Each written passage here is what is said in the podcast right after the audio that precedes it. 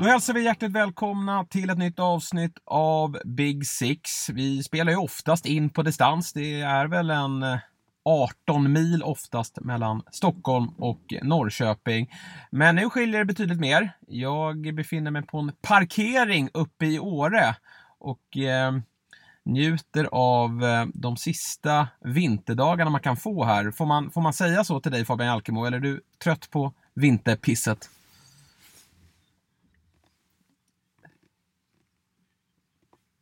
Ja.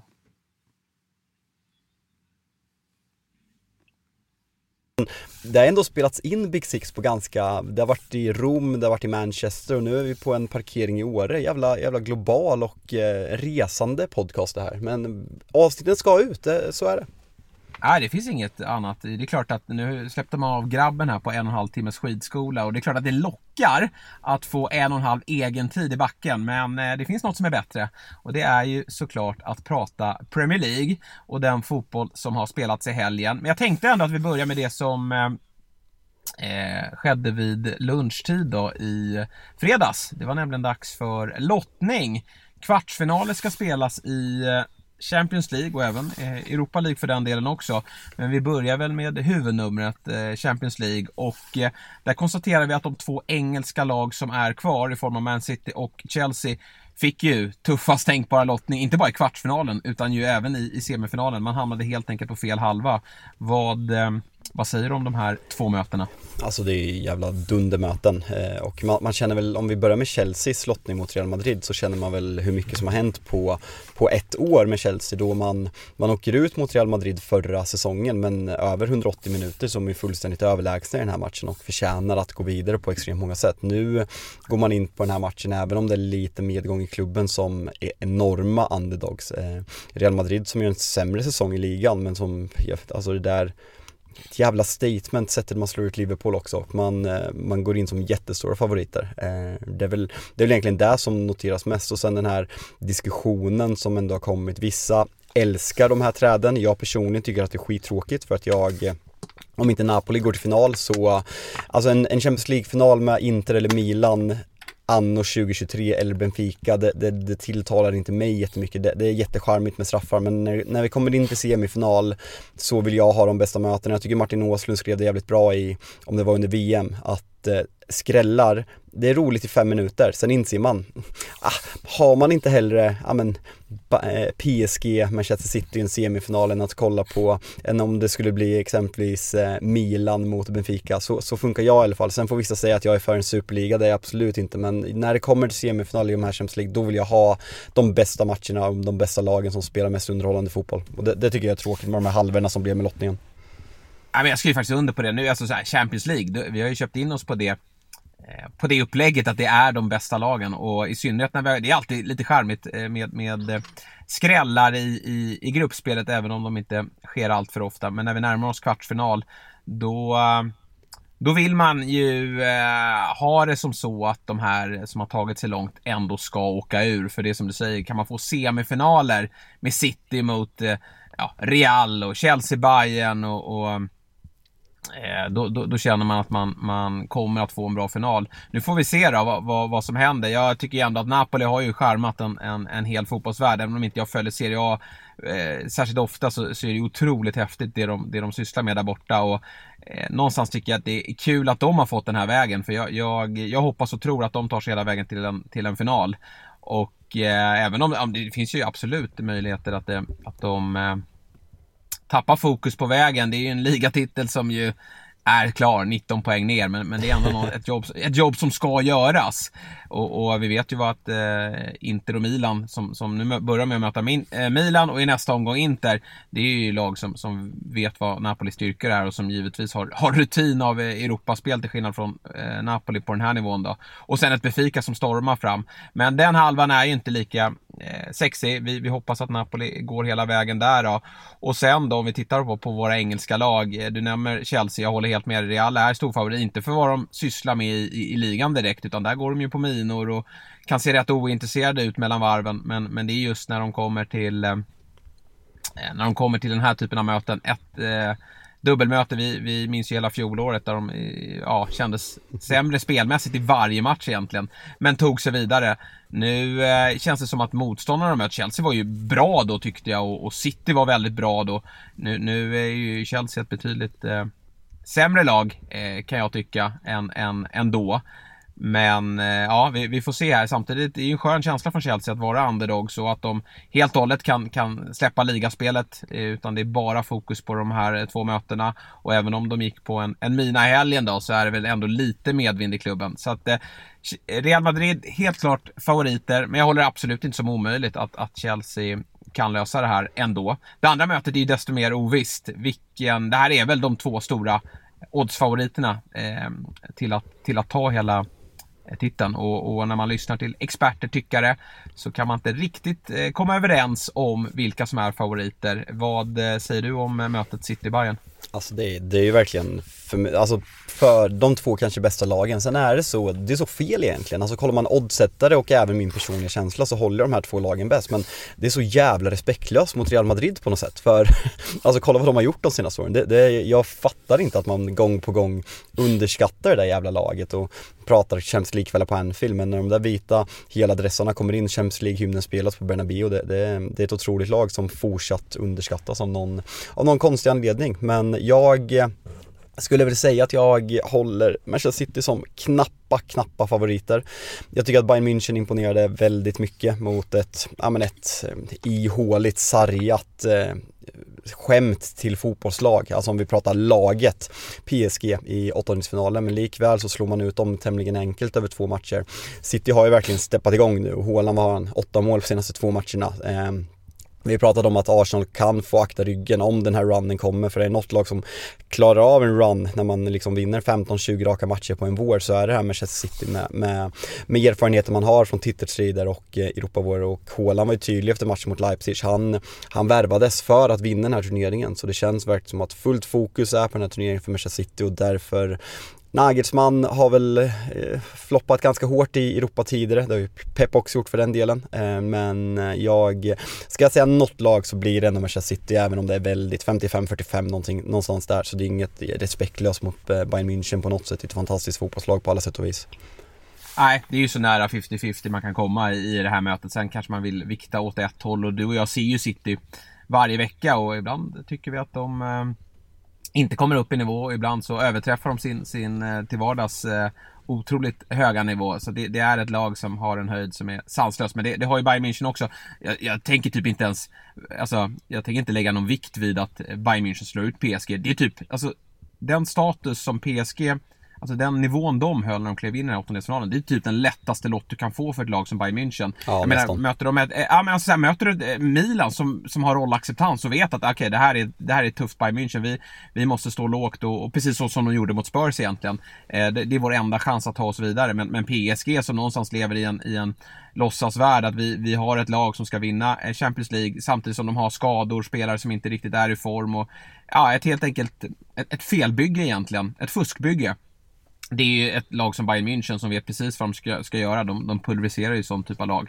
Men, men nu får de möta ett, ett betydligt bättre fotbollslag då och det känns ju som, vi ska prata lite City här efter matchen mot Burnley, men det känns ju som att de, de har trummat igång här. 13-0 på, på två matcher och, och ja, Burnley, Burnley spelar i Championship men, men, eh, och, men Leipzig är ändå ett ganska tungt motstånd. Jag tror Bayern München som, som möter Leipzig eh, minst två gånger per år, de, de blir nog ganska skraja när de, när de ser den typen av eh, resultat. Men eh, först ska det vara ett eh, landslagsuppehåll då och, och så ytterligare de Premier League-helg då innan det är, är dags för det här mötet. Och det, så, så man får se det, ja det här kanske hade varit den perfekta finalen på, för på förhand det är de två bästa lagen. Samtidigt får vi ett dubbelmöte också, vilket är ju häftigt och ingen, ingen tramsig bortamålsregel här utan jag, jag tror att det kommer bli eh, full fart i, i, i båda matcherna och jag ser verkligen fram emot det. Ja, nej men det, det, får man för matcherna fram till finalen så kommer det bli jävla matcher på den sidan och det är ju de man kommer kolla på för jag är i alla fall lite smarta så lägger man de här matcherna på olika datum. Det, kan, det kanske är helt fel att de har lagt dem på samma men är de smarta rent marknadsmässigt så måste de göra det. Eh, ja. Europa, Europa League-lottningen, alltså det är väl inte jättemycket, alltså United får möta sitt fjärde spanska lag i år och åka till Sevilla för andra matchen i rad. Det är ju häpnadsväckande. Eh, tråkigt för fansen såklart men Juventus väntar troligtvis i nästa omgång så det, det är en tuff väg att liksom ställas mot, eh, om man ska gå till final, att man troligtvis ställs mot eh, Barcelona, Betis, Sevilla och Juventus. Eh, det är en tuff Europa League-final. Det skulle nästan kunna vara Champions League, alltså om man bara kollar på lagen där. Eller det skulle kunna vara. Ja, och Europa League som sagt vore ju verkligen en, en, en, fin titel för Ten Hag. Så det, det blir ju... Nu är det inte snack om att hålla på och rotera längre utan nu, nu är det ju bästa lag som gäller för, för United i den här typen av eh, möten. Eh, och eh, det blir faktiskt eh, kul med eh, United som, som definitivt känns som en av förhands, eh, eller favoriterna nu när det är bara åtta lag kvar då. Jag kollar här på schemat i Champions League och eh, mycket riktigt då så har vi ju Första mötet är ju tisdagen den, den 11 april och, och, då har vi city Bayern och sen på onsdagen då eh, så är det Real Madrid-Chelsea. Skönt för Chelsea att få avsluta på, på hemmaplan på Stamford. Där såg vi ju i matchen mot Dortmund att de har en, en publik som, som eh, lever upp och, och står bakom sin tränare trots skrala resultat. Så, så kanske att de kan skapa något eh, magiskt där då. Har du koll på eh, vilka ja, West Ham fick eller? Ja, fan, det där har jag inte kollat. Nej men fick de inte var det inte att de skulle till Cypern eller något sånt igen? Nej, de skulle till Belgien. Belgien. Eh, skämt eller? Gen, ja, skämt ja. eller Gent. Skämt. Eh, det här laget som eh, faktiskt... Som Djurgården mötte va? Djurgården, ja, slog, Djurgården tvålade i... Eh, mm. Ja, verkligen. Eh, nu är det, de har ju faktiskt plockat in en, en, ruskig spelare här eh, från norska andra divisionen, Stabäck. Han heter Orban. Har du koll på honom?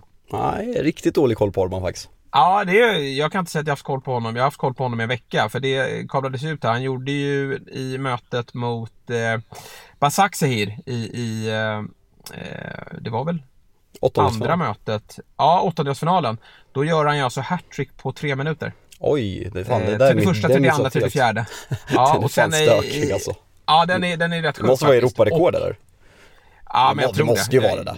Det måste ju vara det. Det finns ju inget annat. Jag har aldrig hört om något liknande. Och i, i omgången innan då, eh, alltså i matchen innan, helgen innan, eh, så eh, mötte de Sulte Vargem i, i belgiska ligan. Då gör han fyra mål på 30 minuter. Fan, vem är det? Erling Braut Nej, men det är nigerian. Nigerian, 20-årig nigerian. Ja. Som eh, har spelat i Stabäck och gjort otroligt många mål där. Men det är en sak att göra mål i andra divisionen. Nu klev han in i, i, i belgiska ligan som inte är kattpiss och sen då i Conference League eh, och eh, slaktar. Så att det här är väl en spelare som, eh, med, med, jag kollade in lite highlights på honom, såklart då, otroligt fysiskt, eh, fysiskt monster.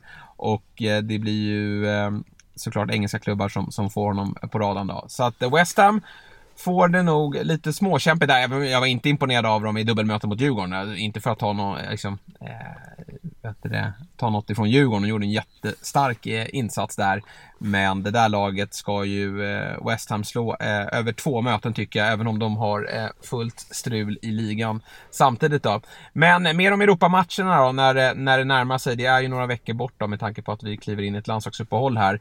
Vi, vi fortsätter helt enkelt på fredag, men vi tar oss till Premier League. För det var ju dags för Alexander Isak Isak att på nytt få starta en match för Newcastle. Vi hade ju en liten diskussion du och jag i, i förra veckan eh, där eh, jag, jag, kunde, jag kunde hålla med om att eh, det var lite, vi slog kanske lite väl på stora trumman när vi pratade, jämför honom med David Silva då. Eh, det kanske är lite tidigt, men kanske att han ändå tog ett steg i rätt riktning efter uppvisningen här då. Han, han lyssnade på oss. I, I fredagskväll. Han lyssnade på oss. Jag, jag eh, såg den här matchen och eh, ja, men på nytt djupt imponerad av honom, över honom med tanke på hur ja, men hur, hur viktig han är för Newcastles anfallsspel och hur bra han är över hela banan. Det är ju en, en anfallare som jag, jag, vill, jag vill lite eh, härleda till diskussionen som du och dina eh, eh, fantastiska kollegor i Fotbollsmorgon lördag hade här i eh, just lördags. Det var ju eh, för de som har missat det här då, så är det ju en eh, talkshow som ni har två timmar varje lördag mellan 10 till 12. Och det är väl det närmsta vi kommer eh, eh, är det BBC som Abdo, Henri Carragher och Michael Richards kör eller? Alltså det är väl någon, det är någon amerikansk, inte typ Paramount på något sätt. Jag vet inte exakt vad det är men det är, det är någon amerikansk ja, tv-bolag som kör det. Jag tror inte ens att det ja. där går på engelsk tv. Så det är Nej det kanske inte gör det. De, de, betalar, de betalar engelska pandit så det är amerikanskt. Jag fattar, jag fattar. Ja, det, det blir ju oftast virala klipp därifrån då med tanke på hur, hur härlig kemi de har i studion. Och det har ju du också tillsammans med Axel Insulander, Fabian Ahlstrand och eh, Sabri Suvatski. Och då pratar ni mycket om eh, Alexander Isak eftersom det här är dagen efter att Isak har sänkt Forrest med sina två mål. Och jag, jag, jag gillar ju båda era takes. Eh, du och Ahlstrand kliver ju in i en, en diskussion där Ahlstrand är, precis som jag då, djupt imponerad över Isak. Hur, hur bra han är ute i, i, i spelet och eh, hur han skiljer sig från många utav niorna idag som, som nästan bara har som främsta egenskap att vara, egenskap att vara eh, monster in i boxen. Eh, vi har ju eh, Haaland och, och Lewandowski givetvis och Osimhen och han är, han är väl bra ute i spelet också såklart men, men det är riktiga, eh, riktiga målskyttar. Alexander Isak han är ju extremt rörlig och eh, nöjer sig inte med, med att bara vänta in i boxen på att någon ska spela fram honom utan kommer ner och hämtar boll och kan ju verkligen äga en match eh, genom att eh, ja, dribbla av en hel backlinje och, och, sätta sina medspelare i lägen. Men också när han har dagen även, även vara en bra avslutare. Eh, så att eh, Ahlstrand är djupt imponerad och när jag, när jag tänker på Alexander Isak sådär efter en sån här match, det är ju inte många anfallare där ute som är så extremt dominant över hela banan. Det måste du hålla med om. Nej, ja, verkligen. Han, han har ju en spelstil som nior idag inte har. Han kanske mer är en, nej men en inverterad ytter, alltså i själva spelstilen, alltså sättet han driver, driver, kommer i fart och driver bollen vid fötterna och liksom utmanar till höger och vänster och kollar man på niorna idag då, ni fotbollsmålare, jag rabblar upp topp fem i världen och det är väl Kane, Haaland, Benzema, Lewandowski och Osimhen. De är väldigt klassiska, de håller sig centralt, de de går snarare i djupet bakom backlinjen, exempelvis Haaland och Osimhen som har de här fysiska monsteregenskaperna medan kanske Lewandowski, Benzema och Kane är mer länkspelare, stor och starka som är jäv, jävlar på avslut i boxen. Medan Alexander Isak är mer en, vad ska man hur ska man beskriva honom? Ja, men en svävande kan alternera, kan utmana en backlinje på eget håll och min sak jag, jag egentligen har på Alexander Isak, jag, alltså potentialen, den, den, finns där, det ser alla som kan fotboll och man, man är ju stolt över den som svensk när man ser honom i landslaget när han, ja men bara om vi går till matchen mot Spanien i EM-premiären för om det är två, eh, ett och ett halvt år sedan, eh, hur han, ja men utmanar och liksom håller spanska försvaret uppehållt helt på egen hand Och det visar ju också, om jag får bara bryta in där, ja, absolut. det är att, att det är inte bara att han nu så här, då kan man säga bara Nottingham Forest, Wolves här senast, ja men det är ganska svaga backlinjer. Men han har ju faktiskt visat upp den här typen av eh, dominans även mot en, en, spansk backlinje. Jag tycker även att när han kommer in mot City här i senaste matchen att han har, eh, visserligen en ganska eh, kort stund då, eh, mot, mot en riktigt etablerad backlinje, har nästan lekstuga. Så att eh, eh, han, han har ju eh, förmågan att vara dominant även mot de bästa lagen. Fortsätt! Ja men det, det har han gjort i, i, i, i matcherna mot Real Madrid och Barcelona i La Liga också, så det, det finns det inga tvivel om. Alltså de spetsegenskaperna kan, eh, ja, men kan göra det tufft för de absolut bästa försvararna i världen. Men mitt problem som att jag kan känna att svenskar överskriver Alexander Isak lite och, och att jag på något sätt kan vara lite skeptisk till att Newcastle väl, valde att lägga så mycket pengar och slå transferrekord för Alexander Isak är, han fyller ändå 24 år. Man, man kan inte se honom som den här talangen som han alltid har varit i. Han ska liksom kunna dominera en säsong och eh, han, rent krasst, kollar man statistiken, han, han har gjort en bra, jag tror han gjorde ett 18 eller 19 ligamål för Real Sociedad en säsong och sen har vi såklart utlåningssessionen i Wilhelmsvaj som är vad den är, där han gör 13 mål på 16 ligamatcher tror jag, vilket såklart, såklart är fenomenalt men just den här eh, att, att han måste leverera över tid. Det går inte att ha perioder på en, två månader där han är bra och sen faller han tillbaka i fem månader och sen är han bra i en månad för att ta nästa steg, för att Alexander Isak ska få ut och bli den världsklasspelaren som jag tror att alla vet att han kan bli, så måste det vara mer konsekvent. Han måste kunna göra ja, men 15 plus PL-mål nu, två, tre säsonger i rad för att man, han ska ta nästa steg. För Newcastle är på en jävla resa och ni pratar liksom, ni jämför om David Silva och jag om någon, alltså jag skulle bli jätteglad om det, om det försannas att man kommer prata om Alexander Isak i, i de meningarna om flera år, men just den här konsekvensen i prestationer är ju det jag personligen har saknat och att man lätt tänka, men han är ung, han är inte så jävla ung längre, han ska kunna vara bättre. Och sen den här säsongen såklart skadorna, det är en brasklapp som måste nämnas. Eh, och det är väl egentligen där jag har att man snackar upp Alexander Isak lite för mycket kontra vad han har gjort över tid i sin karriär hittills. Och det håller jag faktiskt med dig. Det är inget snack om saken. Han behöver kontinuitet nu i sina... Dels få mycket speltid, orka mycket speltid, spela, för det gör ju de bästa. De, de spelar ju varje match. Sen kan det vara att de blir till åren. Benzema åker på en del skador. Men, men titta på Harry Kane, han, han kliver ut där och, och, och spelar alla kupper Och det måste Alexander Isak stå pall för också. Och höja sin, sin, sin lägsta nivå. Att eh, han får inte gå eh, utan att göra mål under för långa perioder utan det måste levereras. Och där går jag emot Fabian Ahlsson lite grann. Att han kanske menar då på att Alexander Isak inte behöver göra de här målen för att vara en världsklasspelare, för att han bidrar med så mycket annat. Men, men ska vi nämna honom, och jag tror att han kan bli en världsklassanfallare, jag, jag tycker att han har den potentialen. Men för att han ska göra det, då måste han ta det steget som Zlatan gjorde under Capello, att bli en målskytt. Eh, han måste göra fler mål. Sen behöver han inte bli Håland, det, det är ingen som kan bli som Håland. Men han behöver göra fler mål och det tror jag, det, det finns där också i honom. Han är en bra avslutare. Jag tycker att det man kan mena på att det första målet är lite turligt här. Men han, han har koll på sin kropp där. Och, och uh, han, bollen, han liksom kom någonstans... bollen, bollen kommer bakom honom. Alltså det är ett ja, snyggt avslut. Alltså han gör ju det, det han, det. han, kräver sen. Det är klart att det är lite tur. Och det är där jag också, det är en av Isaks svagheter för mig som jag tror kommer bli en av hans styrkor. Jag kan tycka att han är lite egoistisk i vissa, i vissa situationer. Att han mycket kollar ner på bollen och bara kör när det finns liksom. Han är ju väldigt bra i länkappspelet och gillar att vägga. Det såg vi vid, vid, eh, vid det bortdömda målet när han gör en fenomenal offside, liksom uppbyggnaden till hela den situationen, hur bra han är på länkappspelet. Men eh, att han, att, att han är lite egoistisk kan vara hans svaghet, men långsiktigt när han får in den här, att, att han går till nästa steg, han får kontinuitet i spelet, då är den där egoistiska, den vill man ju ha av en anfallare. Man vill ha liksom, jag ska inte passa, jag ska göra mål, för jag är bäst. Alltså den mentaliteten älskar man ju när det är en nia i form som liksom öser in mål. Man vill ju inte att Håland ska passa när han kommer två mot en. Det, alltså det, det sker ju inte. Nej, nej, men så är det. Och det här är ju välkommet för Newcastle. Jag ser lite hur supportrar reagerar, för de har ju varit trötta på Wilson här på slutet. Och de har väl också någonstans, även när han har varit i, i form, kanske insett att ah, men Callum Wilson är inte den som tar oss till nästa äh, nivå. Det är inte han som skjuter oss till Champions League. Det kommer att ta slut där. Dels sett till, till äh, men spelstil, men också ålder. Att han, han är lite borde vara på väg ut för snart. Så att jag, Eddie Howe är nog väldigt glad. Nu handlar det bara om att vara skadefri. Då kommer Isak spela, eh, spela alla matcher här framöver.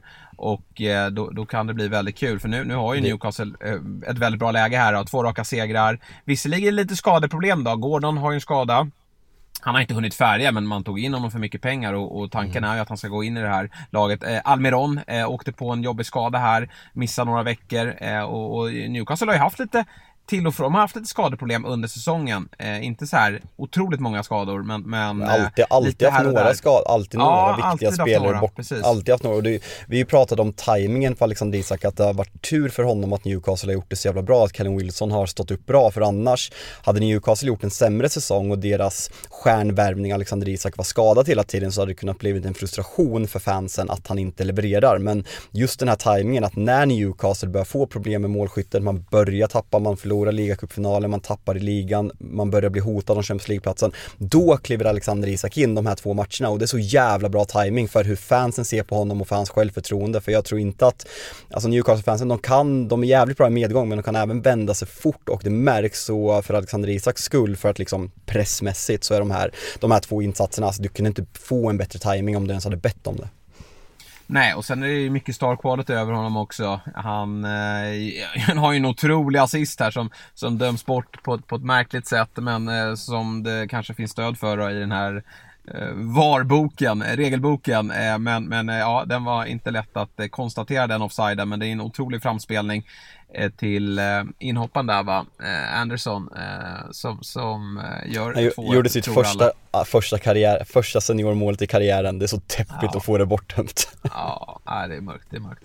Men ja, Isak kommer till landslagssamlingen i väldigt bra form och sen då väntar ju Manchester United på St. James' Park i återkomsten efter uppehållet i omstarten och det här blir ju en riktigt häftig match. Eh, med, tank, med tanke på var lagen befinner sig. Det är ju som så att eh, vid seger för Newcastle i den här matchen. Det här är en klassisk sexpoängsmatch. Mm. För då går eh, United, eh, eller Newcastle upp på lika många poäng som United. Ja, och ganska mycket bättre målskillnad också och det, alltså känslan är med Manchester United, jag såg nu att man har vunnit 90 19 av 25 matcher sen, eh, sen efter VM, vilket såklart är helt, helt sensationellt jävla bra. Men kollar man och liksom tar de här senaste resultaten under luppen så är det inga bra prestationer. Alltså matcher mot Fulham innan den ja, men helt surrealistiska situationen när det blir straff och tre röda kort. Fulham är ju eh, ganska dominant mycket bättre på Old Trafford och eh, man måste säga att Casemiro är borta, att Christian Eriksen är borta. Man ska fortfarande kunna föra en matchbild mot Fulham på hemmaplan. Så det här, det här tror jag att Newcastle går in till den här matchen med väldigt, väldigt väldigt bra självförtroende och skulle jag säga, ta ut en favorit just nu så är det ganska tydligt Newcastle i den här matchen. Ja, jag får nog faktiskt eh, men det ska bli kul gällande... Med det. Vi får se vilka skador som dyker upp under uppehållet också. Såklart, gällande landslaget, det ska verkligen bli kul att se för det känns, alltså så här, det är alltid lite nystart men det känns som en liten nystart för landslaget ännu en gång. Alltså Isak är, ja, men på en jävligt bra position, han går in i det, Dejan haft en liten svacka, fick ändå assisten, kommer in med lite självförtroende. Janne måste börja maximera de här spelarna även i landslaget för de är på en sån internationell högnivå som inte svenska landslaget har haft sen, ja men Zlatan och Ljungbergs tider. Eh, så här två bra offensiva spelare har vi inte haft på jättelänge så vi måste maximera deras kvalitet för att Sverige ska få ut, eh, få ut mest som lag. Ja, och sen tycker jag gillar att de är på en lagom jämn... Eh, alltså de är ganska jämna varandra mm. i, i eh, stjärnstatus just nu.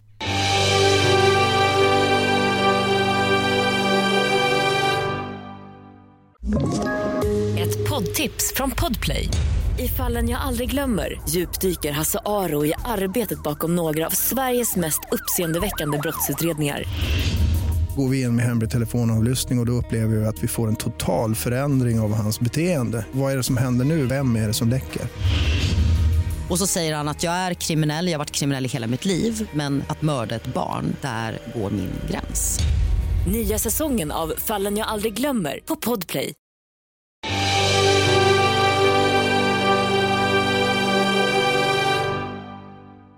Så vi kan väl ta oss till eh, Dejan Kulusevski och hans Spurs som eh, mötte då Southampton på bortaplan.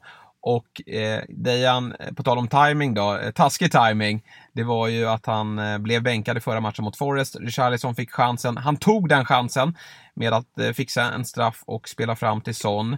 Men det här är verkligen inte brassens säsong efter bara tre minuter då, så byts han ut i tårar eftersom han eh, verkar, eh, han verkade som att han slog upp den här vadskadan han haft problem med under en, en längre tid. Förmodligen så har han väl känt av den här skadan under, för, eh, under uppvärmningen, men kände väl någonstans att nej, jag måste försöka här nu. Den här säsongen är för upp och ner för min del och jag måste eh, ja, bevisa mig helt enkelt. Men det höll inte. Utbytt och Kulusevski kommer in, är ju bra i den här matchen. Men det är ju inte Dejan Kulusevski det handlar om i, i slutändan.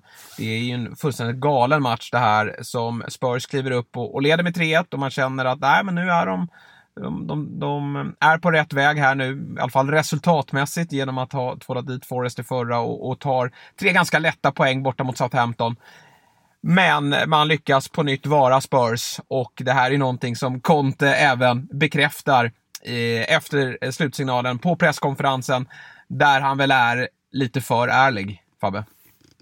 Han måste ju, alltså jag kan ju uppskatta på något sätt och långsiktigt kanske det är bra att han hänger ut eh, att han hänger ut styrelsen och klubben för att klubben ska kunna ta nästa steg men samtidigt man kan inte ha en chefstränare i en stor klubb som Tottenham som sitter och sågar hela klubben, alltså du pissar på klubben, respekt till historien och spelarna och allting, det, det är på något sätt inte okej. Okay. Så Alltså jag, jag som Spurs-supporter, det, det, är inte första gången eller det här kanske var den värsta men alltså så här, han kan inte fortsätta träna klubben ens i sommar när han, när han håller på så här, för han har ju fullständigt tappat det. Och han, han lägger ingen vikt på sig själv utan det är bara kritik till alltså så här, yttre omständigheter, det är alla andras fel och det är spelarnas alltså och det är ledningen. Och det är väl det som jag har har, har lite svårt för. Men gällande den här matchen, jag tyckte Sebastian Larsson som jag, jag för övrigt tycker, alltså han är ganska, eh, han är väldigt lugn i studion. Eh, men jag, jag, gillar honom verkligen som expert, jag tycker han säger väldigt bra saker. Han, hans take på Tottenham, vilket är ganska självklart, det kanske är lite att slå in en öppen dörr, men just att Tottenham under Conte, de, de, deras prestation är baserat på vad som händer i matchen. Ofta när det står 0-0 så är man jävligt mediokra och det är ofta när man ligger under, då börjar man spela och bli jävligt bra och vi har ju sett de här andra halvlekarna, alltså Tottenham, vad var det man släppte in första målet eh, uppemot 10-11 matcher i rad för att sen vända och liksom leverera i andra halvlek och de här första halvlekarna när man inte gjorde mål på 15 raka matcher. Man, man reagerar på det andra lagets prestationer. Som nu, man, man, man går upp till 3-1 och sen bara, nej men då slutar man spela fotboll och låter Southampton göra så här. Jag, jag fattar inte, är det Conte som vill och liksom så här som Mourinho, att man anpassar taktiken efter det andra laget och sen när det inte funkar då drar man ur handbromsen och börjar köra för det, det är verkligen, ja men det, det, har hänt så jävla många gånger nu och det här är ju som, som Conte säger, det här är ju typiskt Spurs men för mig är det inte typiskt Spurs som klubb, det här är typiskt Spurs under Antonio Conte så det är ju han som ska ha störst del av den här kritiken, att han inte han kan sitta och kasta det på spelarna och ledningen och klubben i sig. Ja, nej, jag eh, delar verkligen synen på Spurs där. Det är eh, extremt problematiskt och det, känslan är att det måste vara något mentalt i, i klubben. Nu får man ju en, en ryckig matchinledning men det gäller ju verkligen Southampton också. Får ju byta ut båda sina mittbackar. Spurs får byta ut Richarlison men får ju in en jättebra ersättare i Kulusevski. Sen kliver Ben Davis ut får in Perisic. Så man kan inte skylla allt för mycket på det och i och med att det är, det är så återkommande och, och det var ju nära nästan att man, man klappade ihop mot Forrest också. Får ju en straff emot sig på, på tilläggstid eh, men den tar ju Forrester.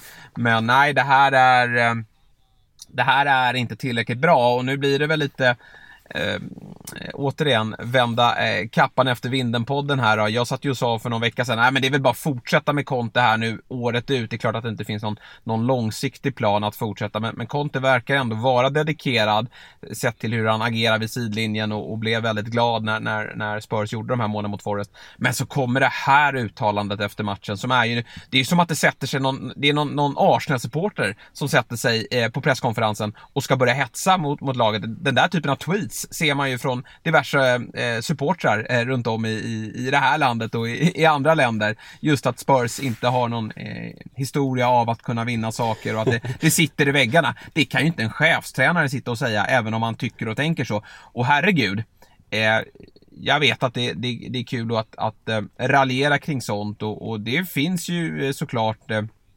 tyngd i, i, i den typen av påstående kring en, en klubbs DNA och kultur, att man inte har vunnit saker. Men då är det väl upp till en tränare att försöka ändra på. Man kan inte bara sitta och peka på saker som har hänt. Jag har ju sett tränare kliva in i klubbar som inte har vunnit saker och vända på den saken. Och, och Conte är en, en världsklasstränare. Han, han värvades för att påbörja den processen att få Tottenham att bli vinnande. Och eh, nu har han snart varit i klubben i, i, ett och ett halvt år och ingenting har förändrats. Så det är ju... Hade det inte varit, ja, fortsätt. Hade det inte varit kul om han, om han bara gått all in på presskonferensen och avslutat med en Chiellini-imitation? It's the history of the Tottenham. Ja, ja. ja men ja. Eh, jag kan inte jag och pekar på det varenda gång. Det är din uppgift att ändra på det här och du har fått värva spelare. Du har bra spelare. Sen är den där ligan inte särskilt enkel att, att vinna. Och i år så har ju ett nytt lag eh, dykt upp och blivit otroligt bra.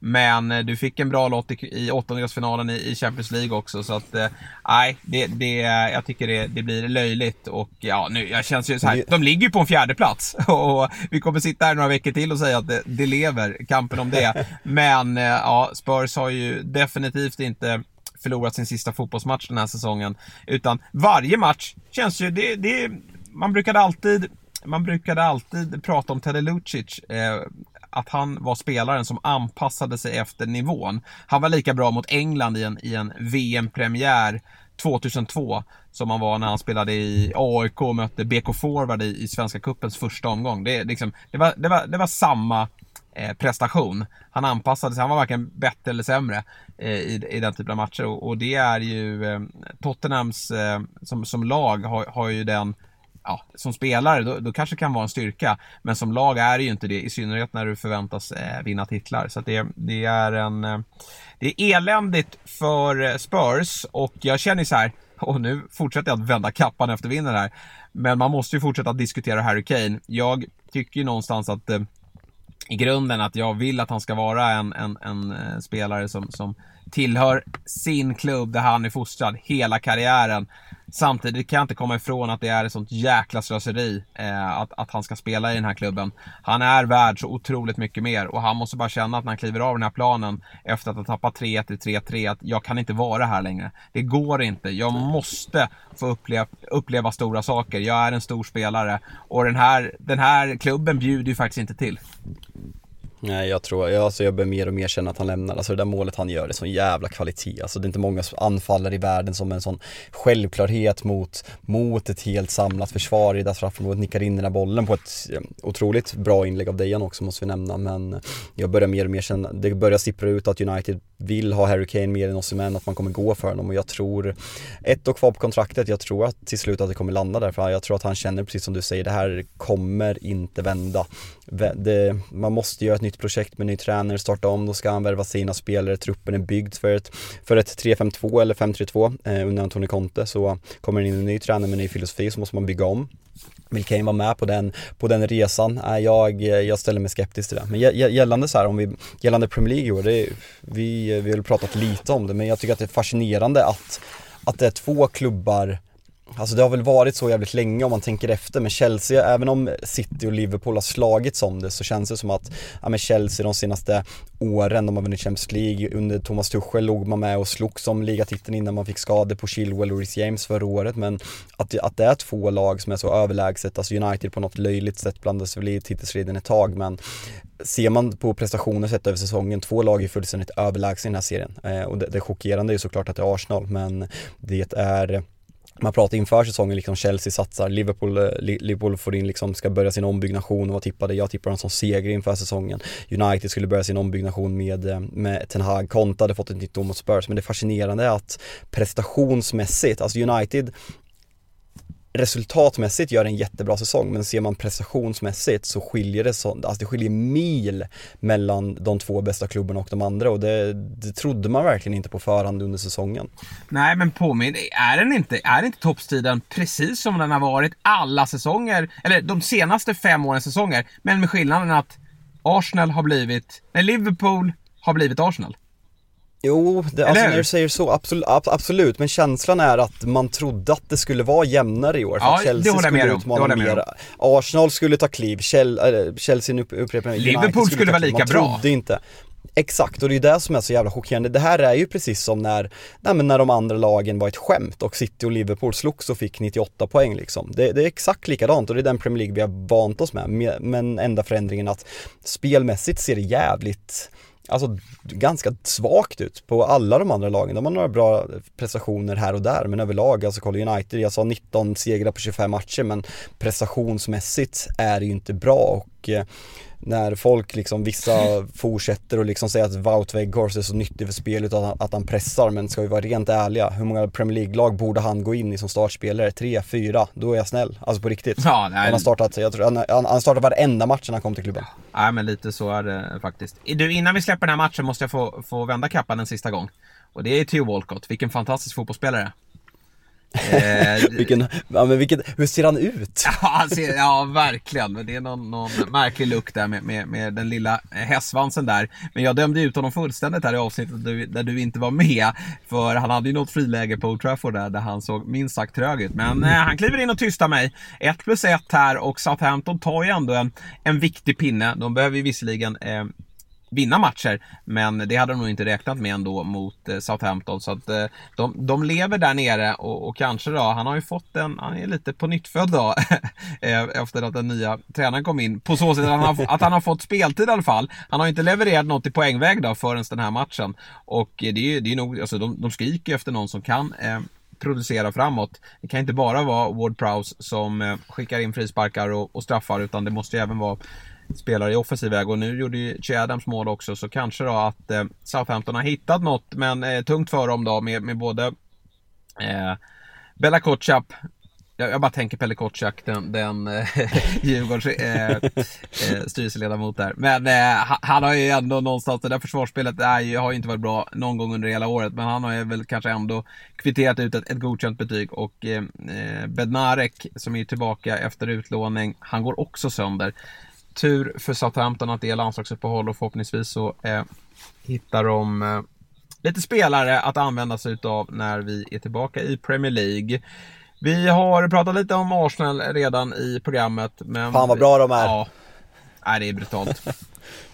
Det ja men det är helt, alltså så här, man, man, man, tänker första, första, om det är första 20, fan Pallas står upp ganska bra så kan det komma en reaktion nu och sen, sen gör Martinelli Alltså det här målet. Alltså, Vilket klassmål. De pratar om att, ja men att målvakten kan absolut göra det bättre men vilken jävla aktion. Det ser så enkelt Ja. ut och när, när Saka fortsätter göra de här, de här aktionerna och vi vi, om vi går tillbaka till Fotbollsmorgon lördag, vi har pratat mycket om att man ska ta ut en dröm 4 eller dröm 11 och man får bara ta spelare från en klubb på varje position och där alla, alltså kollar man på världsfotbollen, alla ledande stjärnor spelar ju till på vänsterkanten som vä- vänsterforward som kanske hetaste nu i Kvaratskhelia, Rashford, ehm, eh, Vinicius Junior och ehm, Mbappé. och, och M- M- Mbappé, exakt. De fyra, de kanske är de liksom fyra bästa offensiva spelarna nu om man bortser från nior. Medan högerkanten, det är liksom det finns inte så jävla många där, alltså folk har pratat, alltså satt Messi där och, och sådana saker men man underskattar ju fortsatt Bakayo Saka för att han heter Bakuyo Saka, för att han inte borde vara så här bra men är han inte den hetaste jävla högerytten i hela världen just nu? Jag, jag kan inte komma på någon hetare. Ja, det är ju faktiskt som du säger en, en position som inte är eh, lika het som, som ute till vänster där, där många eh, högerfotade kliver in och, och eh, borrar in dem i, i bortre. Det är eh, eh betydligt sämre konkurrens då i, i världstoppen när det kommer eh, till högeryttrar och det, är- det är möjligt att du har rätt. Eh, Saka är eh, eh, på en otrolig nivå just nu. Och det här går ju nästan att jämföra med, med Liverpool när de var så bäst med Mané och Salah. Inte riktigt ännu. Eh, men, men de tar ju kliv att gå dit när det kommer till att producera framåt. För det har man väl känt kanske har saknats. Men just nu så är det ingen nia i, i Arsenal som gör särskilt många mål. Utan nu är det yttrarna som levererar. Och eh, Martinelli 13 plus 5. Saka Nej, helt sjukt. 12 plus 11. Det är riktigt Nej, starka siffror med ganska många omgångar kvar. Får se var det här slutar. Jag vet att Salah, han har ju, gjorde väl 32 kassar någon säsong. Så där är vi inte. Men kan de här gubbarna båda närma sig runt 20 så är det ju eh, fruktansvärt bra. Och, och det här är ju någonting som känns som att de det här är inget som, eh, det här kommer inte vara en, en undantagssäsong tror jag, utan det här är spelare som, som kommer att studsa vidare på det här Det ung- och fortsätta att leva unga poäng. spelare Ja, också. men det är ju verkligen unga spelare som, som eh, lär sig Premier League fortfarande. Men, men nu är ju Saka tog väl, kan man nästan säga, klivet till världsklass i fjol. Men Martinelli gör det ju under den här säsongen. Och eh, då är man inte lika stort behov av en nia som, som levererar, som City har till exempel. Utan då funkar det med en Gabi Jesus som inte startar den här matchen men, men som är rörlig och, och eh, bidrar med, med, med, med sitt hårda arbete och eh, drar, drar eh, sönder försvaret. Nej, jäkligt häftigt. Man undrar, men, men, men undrar man inte lite så här Arsenal, man har tänkt så här, men de måste bredda, de måste liksom spetsa till, Mudryk snackades om, men nu fick man inte Trossard som är en perfekta rotationsspelaren. Som anfallare har man ju, ja men eh, eh, Jesus som är ganska tydlig etta och sen där bakom Enketia Balogun som kommer och Trossard kan även spela där Smith Rowe kommer in. Man har pratat liksom, Arsenal behöver förstärka på de här för att få mer stjärnglans. Nu kommer man nog gå ganska hårt för en central mittfältare, eh, Lex Caicedo, Declan Rice, något i den stilen. Men kollar man på den här offensiven blir man ju lurad av att namnen är inte Mohamed Salah och de är inte Sadio Mané och de är inte Phil Foden för att man, man underskattar dem fortfarande men alltså Arsenal behöver ju inte bredda den där alltså offensiva trion för fem öre i, i, i sommar för man har, man har två givna startspelare, Martinelli och Saka, man har en rotationsmöjlighet med Trossard, med Smith Rowe, alltså det, det är ett jävla komplett fotbollslag för nästan tio år framöver, det är läskigt bra. Ja, så är det. Och styrka också att mentalt orka resa sig efter uttåget i Europa League. Ja, det kanske inte var Eh, så jättetungt rent sådär att man, man eh, blir av med en, en titelmöjlighet för alla vet ju att det är ligan som är prioriterat men, men det är 120 eh, minuter och när man kliver in i en straffläggning så vill man ju såklart vinna den och man åkte ju på en hel del smällar i den här matchen. Saliba startar ju inte, Holden kliver in och, och gör det bra. Tomiyasu är ju inte ordinarie men Ben White är, är riktigt bra i den här matchen tycker jag. Så att det är mentalt väldigt starkt och, och Crystal Palace med eh, ja, company, eller inte company, utan Patrick Vieira som inte leder laget i den här matchen. Då tänker man kanske att de får en, en, en, en boost av det, men det, det gick ju inte att, att eh, se den här matchen. Eh, efter de här 20 minuterna så tycker jag att det eh, är bara ett lag på, på banan. Nu är det ju som så att Arsenal har ju haft ett väldigt tacksamt schema. Har väl Leeds tror jag i, i omstarten. Mm, sen Eh, Anfield. men sen är det Anfield och eh, sen har man väl City här ganska snart också. på Etihad. Jag tror att det Le- jag tror att det är Leeds, Liverpool, West Ham. City Och West- eh, efter uppehållet. Eh, Och West Ham borta, det är inte jättekul heller alltså ska sägas. Eh, Det är London Derby och det vi vill väl tro att det är ett lag som är bättre än vad de har presterat och, och ehm, kan... Det är, en, det, är en, det, är en tuff, det är en tuff match oavsett. Ja. just London Derby, man, man möter dem, de kommer slåss för näbbar och klor. Så det där, det där är ett tufft schema. Sen samtidigt måste man ju, vi pratat hela säsongen om att Arsenals formdipp kommer. Alltså man kommer gå in i en svacka på något sätt. Man hade den där lilla dippen när man torskar mot City gånger två. Man, man torskar mot, eh, mot Everton med Sean Dyche. Men nu har man verkligen svarat upp dem. Vi bortser från Europa League som är lite skitsamma. Jag tror, alltså så här, när man summerar det här nu, jag tror ingen bryr sig om att de, Liksom, att de åkte ut det där när man slog Pallas i helgen. Men det är sex raka matcher i ligan och där har vi de här sena, sena vändningarna mot, eh, mot Bournemouth och mot, eh, mot Aston Villa. Eh, sex raka matcher i ligan är ett jävla bra sätt att svara upp så vi kan väl, vi kan väl bara konstatera att den där formdippen är över. Man torskar två matcher i ligan, man åkte ut i FA-cupen. Eh, sen sex raka, det är ett jävla sätt att svara på det. Jag tror att man är ganska nöjda med den dippen. Ja, men du, City har ett väldigt mycket bättre schema här. Så alltså, det, det, alltså, du vet, Arsenal har ju dels då Liverpool på Anfield, eh, de har City på Etihad, de har Newcastle på eh, St. James's och de har även Brighton ska de möta på hemmaplan. Brighton borta va? Nej, Ja, det hemma är hemma, den. Eh, Okej. Mm. Och Chelsea har de ju på hemmaplan. Alltså så här, det städar ju Arsenal av eh, förmodligen. Men, men det är, nej men så är ju känslan i, eh, med tanke på att Chelsea förmodligen, eh, ja men då, då har ju de fullt, fullt fokus på, på Real Madrid där. Men ja, jag eh, är, oavsett hur den här säsongen slutar. Det är inte klart som folk börjar säga. Nej, alltså så här, nej, poäng, nej. en, one, one game in hand och ett jävla mycket lättare schema för City. Sen matchen på Anfield som kommer direkt efter uppehållet. Vinner inte City den samtidigt som Arsenal slår Ja, Leeds, då, nej, men då, då, då kan vi börja prata. Ja men precis, för då, då har man skapat sig en buffert och då kanske City känner att nej nu blir det här jobbigt. Sen vet vi också att nu, nu eh, ser City bra ut men, men de, äh, återigen, det, det är inte så att vi har sett dem kliva in i den här streaken med att vinna massa matcher. Vi, vi tror att de har det i sig, att de kan göra det.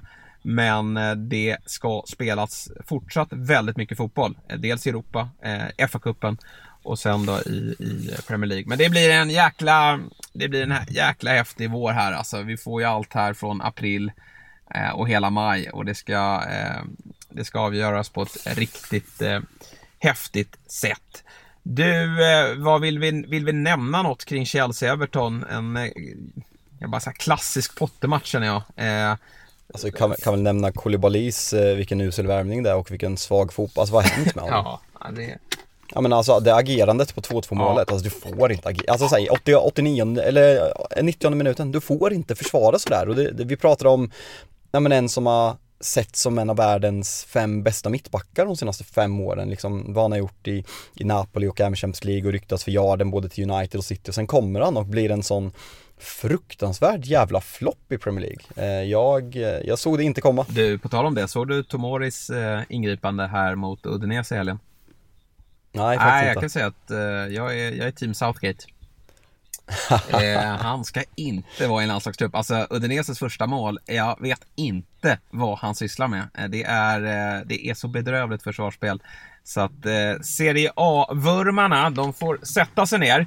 Koulibaly har inte heller rosat marknaden. Jag trodde han skulle, han såg väl ganska bra ut här för någon match sen. Eh, och och eh, kändes som att han hade steppat upp lite grann. Man trodde så här, nu är Thiago Silva out. Det, det kanske passar Koulibaly bra här nu att han får leda den där backlinjen. Men nej, det där är ju dåligt. Och, äh, men så här, Chelsea har ju full kontroll på den här matchen. En Pottermatch på så sätt att de de äger boll, de, de, eh, och när de äger boll, då, då är de även bra defensivt såklart. För har inte motståndarna boll, då ska det inte kunna skapas några chanser. Chelsea är lite, jag tycker de borde kunna skapa mer framåt. Havertz har ju några nickar och sådär. Men de gör två mål och, och det är två mål från, från anfallarna, Joao Felix och, och Havertz, visserligen ett på straff. Men att släppa till två mål i den här matchen, det ska ju faktiskt inte få, um, få ske. Men jag känner så här, Chelsea-ligan behöver vi inte ha så mycket fokus på. Det, det som eh, är intressant framåt, det är ju Champions League. Eh, och eh, vad som händer med Mason Mount. Ja, ja där, där Romano gick ju ut och sa att nu att ny agent va? Och eh, det ser mörkt ut. Så eh, det där fan, jag, jag har inte pratat med någon Chelsea-supporter om det här men känslan är att vi pratade om det här, alltså laget som kom upp under Lampard med Reece James, med Mason Mount, med, med Tomori, med Tammy Abraham, med Ehm, med, med, med Chaloba också till viss del. Att det var liksom att Chelsea vart ganska likeable där ett tag. Ehm, för även för icke, icke Chelsea-supportrar att man, ja, man gick ifrån vad Chelsea har gjort de senaste 20 åren sedan Abramovic tog upp och liksom satsade mycket, mycket internt istället för att, ja men man, tidigare har man värvat spelare, man har lånat ut dem och sen så säljer man dem och man har 87 spelare på lån i holländska klubbar eh, för att sen, ja men sälja dem och liksom bara värva dyra spelare egentligen. Nu om Mason Mount lämnar, vilket allt tyder på, det är bara Reece James kvar som är, alltså Chaloba absolut, men han kommer ju aldrig bli ordinarie i Chelsea. Så av de här spelarna som tog över och liksom charmade alltså hela England under Frank Lampard så kommer bara vara Reece James kvar. Jag tycker att det är en väldigt, väldigt tråkig utveckling och jag tror att Chelsea-supporterna, Todd Bowles intåg, värvar allt samtidigt som man skickar en sån som Mason Mount som liksom one of our own. Jag, eh, jag tror att det är extremt fel väg att gå. Ja, jag tror också det. Jag vet inte hur, eh, om det är något sånt där märkligt upplägg av, av kontrakt som gör att han inte vill skriva på. Eh, kanske är muddrycklösning med, med, med åtta år. Jag, jag, jag vet faktiskt inte men det känns väldigt deppigt. Det var det första, det var det första jag läste. Ja. Att det var liksom att de, de ville dela upp det till, ja men jag är en åtta år men han, han inte vill det. Han vill skriva typ fyra eller någonting för men inte liksom Han, han har ju som mål att spela resten av karriären i Chelsea men han vill inte känna sig tvingad till det. Och ja men med inflation och allting och en lön du skriver idag på åtta år kanske är värt kattpiss om åtta år. Ja, ja. Och det, det är där de skiljer sig från extremt mycket. Får man ju verkligen förstå, spelaren. Och här tycker jag faktiskt Verk, att verkligen. Bowley någonstans får, får göra ett undantag från sin strategi för Mason Mount. Även om han haft en jättejobbig säsong i år, men det är någon man ska bygga. Man, ja, honom är ju, ibland ställer vi oss frågan om, om en spelare är slut eller inte, om man ska studsa tillbaka. Men det är oftast när man har passerat 30-strecket. Eh, Mason Mount eh, kommer att hitta tillbaka. Får vi se vad, vad, vad, nästa destination blir då. Det pratas väl om, om Liverpool. Ja, och det är ju en klockren värvning för dem. Ja, det tror jag också. United sipprades ut som rykte att det fanns intresse, eh, såg jag, men det känns verkligen som att, eh, att det kommer bli Liverpool. Ja, men där anmäler väl sig nästan alla klubbar känns det som, att de är intresserade av, av Mason Mounts eh, tjänster. Men, men, Liverpool har väl det mest akuta behovet då. Och eh, det känns som en, en match made, made in heaven då, även om det känns jättetråkigt, tycker jag också. Som, som ja, men vissa spelare ska verkligen spela för eh, eh för, för, sina klubbar där de är, är fostrade. Nu, nu sa jag något annat kring, kring Harry Kane, men, men det ska nog kunna gå att vinna saker i, i, i Chelsea. Och han har ju redan eh, vunnit saker också eh, för den delen. Men ja, vi följer det såklart med, med eh, stort intresse.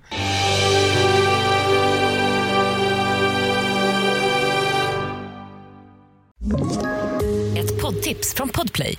I podden Något Kaiko garanterar östgötarna Brutti och jag, Davva, dig en stor dos skratt. Där följer jag pladask för köttätandet igen. Man är lite som en jävla vampyr. Man har fått lite blodsmak och då måste man ha mer. Udda spaningar, fängslande anekdoter och en och annan arg rant. Jag måste ha mitt kaffe på morgonen för annars är jag ingen trevlig människa. Då är du ingen trevlig människa, punkt. Något kajko, hör du på podplay. Därför är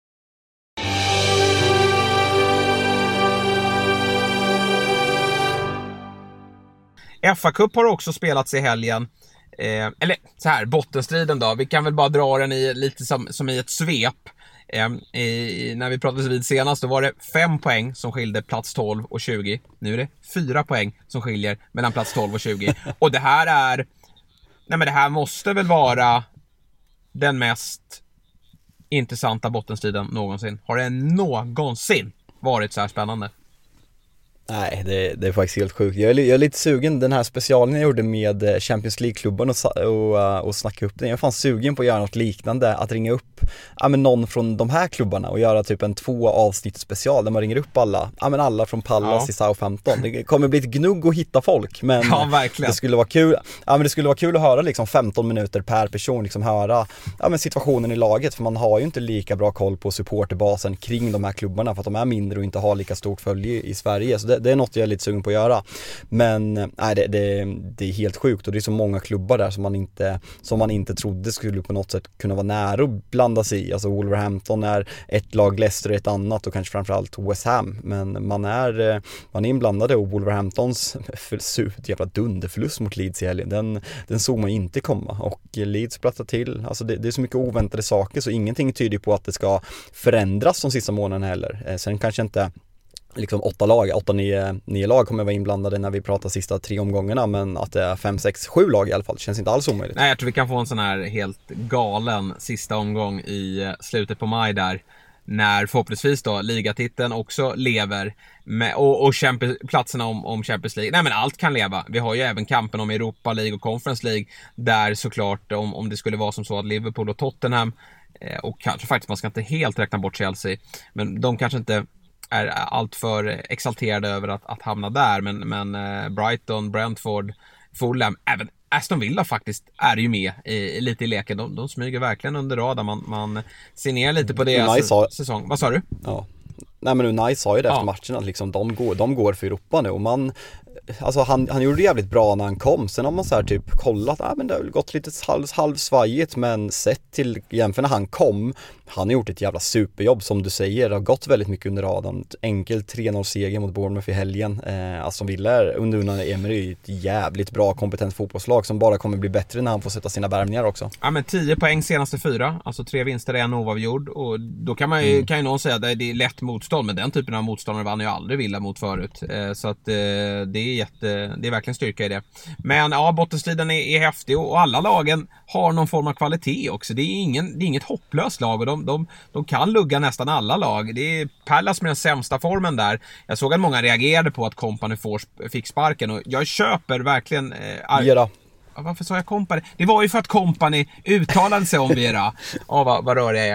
Eh, nej, men att Vera fick sparken och Company var ju såklart eh, väldigt tydlig där. Men, men det jag känner lite med, med Vera är ju att eh, men, alltså, så här, det går nog kanske inte att prestera så mycket bättre än vad han har gjort, men trenden är ju så oroväckande. Och jag förstår att klubben lite äh, agerar här nu när man ska kliva in i ett bättre schema. Och eh, ja, jag har sett sämre lag än, än eller bättre lag än Palace ska jag säga, som har en, en negativ trend. Som inte kan styra om skutan bara för att det väntar bättre motstånd. Så jag tror nog ändå att det, det är bra att Palace gör någonting här när det också är ett, eh, ett landslagsuppehåll. Men nu kan vi prata lite FA-cup då, eh, kort känner jag. Eh, det blir ju två häftiga semifinaler och vi skulle kunna få en riktig drömfinal. Eh, och, och då menar jag på att City kommer ju vara ett av lagen. Och sen tycker jag att det vore väldigt coolt om United tar sig dit. Ni ska ju möta Brighton på eh, Wembley och eh, ja, United till en final eh, blir ju jättehäftigt med ett Manchester Derby. Men det blir också häftigt med, även om inte du tycker det, ett Brighton till final som absolut skulle kunna störa ett City.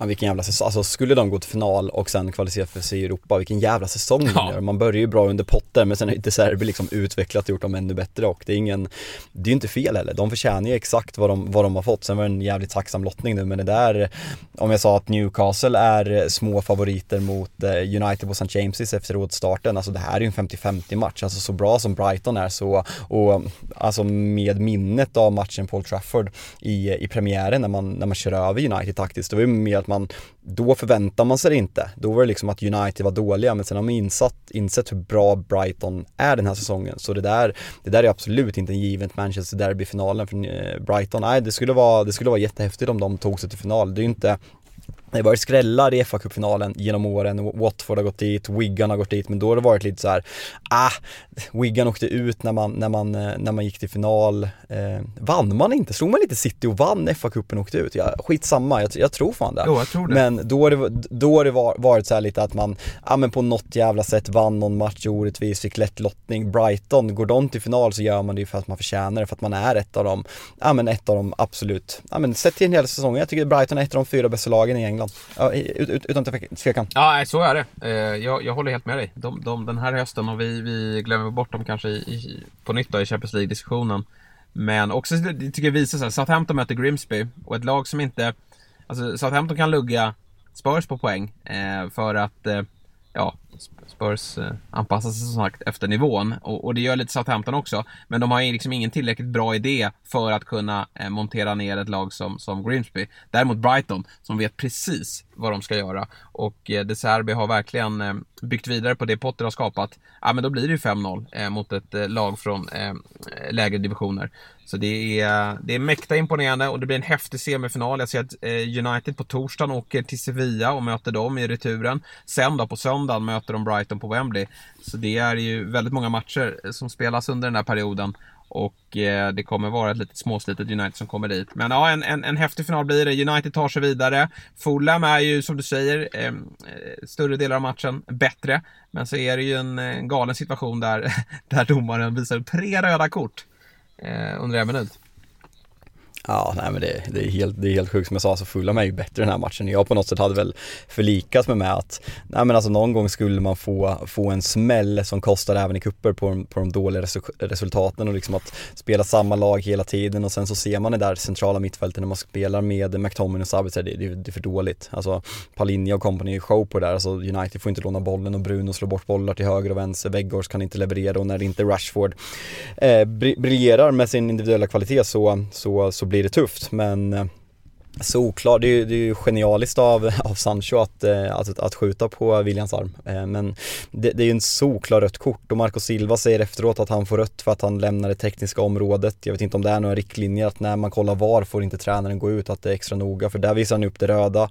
Röda kortet på William är ju solklart, det är så regelboken är, även om det är tråkigt. Men Mitrovic agerande, om man pratar serbiskt temperament så fick vi se det in action där kan man ju lugnt säga. Alltså, en sak om det är en konstig situation, men det här, det är ju ett såklart rött kort. Hur kan han bli så jävla arg på domaren? Det, alltså det är ju hål i huvudet. Ja. Han förstör ju för sin klubb så enormt mycket alltså.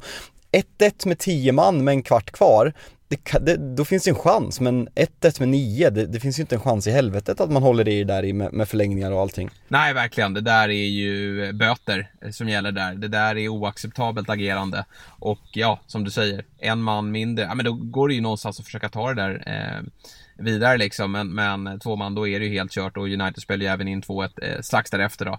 Så det är synd om, om, om Fulham som, som har ett grepp om det och, och för dem betyder ju en fa Cup-semi mot Brighton då, hade ju betytt eh, massor och, och stora möjligheter att kunna ta sig till final. Men nu får man då försöka ta ligan i mål och, och, kanske ändå ta en Europaplats. Formen har ju inte varit bra. Mitrovic gjorde ju mål i, i matchen. Hans första sedan eh, ja, början på januari, så han har ju haft en lite sämre form. Eh, så det kände man, ah, bra, nu är Mitrovic igång, men så tar han det där röda och eh, avstängning är att vänta. City pulveriserar Burnley. Eh, de har alltså 13-0 på två matcher. Eh, och eh, Nej, Hjalmar Ekdal var ju besviken. Det var en ja, en klassisk eh, vila, eller så här, kompani jobbar ju som Pep gör. Ibland så är man bara inte med i laget. Eh, han var inte med, han var han inte med i truppen och han var förvånad. Han trodde han skulle spela, men eh, som man säger, det är, så där jobbar tränaren liksom. Han var, ja, han var ju besviken måste jag säga. Alltså han hade ju hoppats. Men sen i efterhand, ah, det kanske var bra då. Att man inte, att man inte dök upp, för det, det är ju otäckt. Jag tycker Burnley hänger bra med första halvtimmen ändå och, och visar att man, man eh, står upp och kan ta det defensiva arbetet och vågar även eh, hålla en del boll. Men, men eh, sen är det ett City som har växlat upp och jag tycker mig se att det är en De Bruyne som, som ser lite rappare ut, lite bättre ut och eh, ja, de blir, de blir farliga här nu. Ja, jättefarliga. Ska läsa upp lite senaste, det är inte breaking news, men Ornstein skriver i sin måndagskolumn på The Athletic eh, som precis kom ut och då skriver han gällande Jude Bellinghams framtid faktiskt. Aha. Och han har ju, alltså Liverpool är känt som den ganska tydliga favoriten, men det senaste är att eh, att Dortmund, han har kontrakt till 2025 och Dortmund känner absolut ingen, ingen stress eller att de känner sig tvingade att släppa honom i sommar. Så ska han gå i sommar så kommer det krävas ett jävligt högt bud och eh, då skriver han också att Liverpool utan titlar riskerar att missa Champions League, tappar väldigt mycket pengar på den här säsongen så att av de klubbarna som det ryktas om så håller så City och Real Madrid är de egentligen enda tänkbara för att klippa honom i sommar. Eh, medans eh, om han skulle vara kvar så kommer andra men just nu ser han att Liverpool som nästa destination är väldigt osannolikt. Mm, Okej, okay, intressant. Det, um... Så det är egentligen in, inte jättemycket nyheter men just att Liverpool från att varit ganska tydlig oddsfavorit så skriver han att det just nu är osannolikt att han går dit i sommar i alla fall. Mm, det är ju lite breaking faktiskt. Då blir det väl all in mm. Mason Mount då. För eh, Liverpools del och, och, en smäll för, för, jag vet inte, klubben har ju säkert bättre koll eh, på, på, på det här än vad supportrarna har men de har ju verkligen hoppats på, på eh, Bellingham i sommar, men det kanske löser sig eh, längre fram. Jag, jag tycker väl att just i sommar vore ett ganska bra... Eh, nu har han ju bevisat sig att han, han eh, håller högsta nivå och kan ta en, en toppklubb eh, till, till nästa nivå också, vilket hade varit fallet då med, med Liverpool. Men ja, det, det blir nog Premier League eh, vad det lider för Jude Bellingham. Bra Fabbe! Eh, fina 60 minuter tillsammans med dig. Nu väntar landslagsuppehåll. Det ska bli kul att se Sverige. Det ska bli kul att se England som ju har två riktigt eh, eh tuffa matcher då, i, i, form av Italien och Ukraina. Vad eh, Blir det lite paus för dig från fotbollen eller blir det mycket landslag? Ja, alltså se Sverige och eh, jag vet faktiskt inte när England spelar Jag tror de spelar eh, torsdag. Där, torsdag, mm. torsdag borta i Neapel. Eh, nej men den, den kommer jag se. Mm. Eh, sen kanske jag inte kommer kolla England-Ukraina nästa vecka men eh, Sverige-Belgien på fredag och Italien-England på torsdag. Det, den är jag faktiskt riktigt taggad på. Mm. Eh, just nystarten, får se. Jag ska upp till Stockholm i helgen så lite sugen på att åka till Friends, vi får se hur det blir. Men liten, det blir en fotbollspaus kontra, ja men om ni jämför med gårdagen när det var liksom full fart hela dagen med derbyn i varenda enda liga och det var, det var Svenska Kuppen så um, jämförelsevis med den här helgen så blir det en riktigt, riktigt lugn fotbollsvecka och det ska, det ska faktiskt bli lite skönt, alltså som United-supporter, jag sa 25 matcher efter VM, det har varit, det har varit match typ så här var, var tredje dag, lite, lite urmjölkat på något sätt så det ska bli skönt att ta en liten paus. Ja, jag håller med. Liten paus här och sen får vi en helt makalös avslutning av Premier League och eh, Europaspelet också eh, för den delen. Vi gör väl som så att vi eh, kommer med ett nytt avsnitt nästa vecka. Eh, början på nästa vecka eh, tänker vi oss. Kan vi summera lite landslagsspel och ja, men, prata bottenstrid, få se om vi får med oss någon, någon supporter eller flera från de här drabbade lagen som, som befinner sig runt strecket. Och så ja, tar vi sats mot avslutningen, april-maj. Det kommer bli att, det kommer bli åka av helt enkelt. Ja, nej men man är, är ruskigt taggad och som du sa, man slåss verkligen i alla delar. Det är Champions League, det är Europa League, det är, det är fa Cup semifinaler, det ska bli en fa Cup-final. Nej, det är, fan vilken säsong vi har. Det ska bli, det ska bli riktigt kul eh, och eh, du får, eh, får njuta av backen och ja, in, inte för mycket afterski på bygget nu. Nej då, vi, vi har ju som sagt småbarn här men, men de kommer väl in där också. så vi, vi Ta välbehövlig vila och så tar vi nya tag nästa vecka. Tack Fabbe, tack till alla er som har lyssnat. Vi hörs snart igen.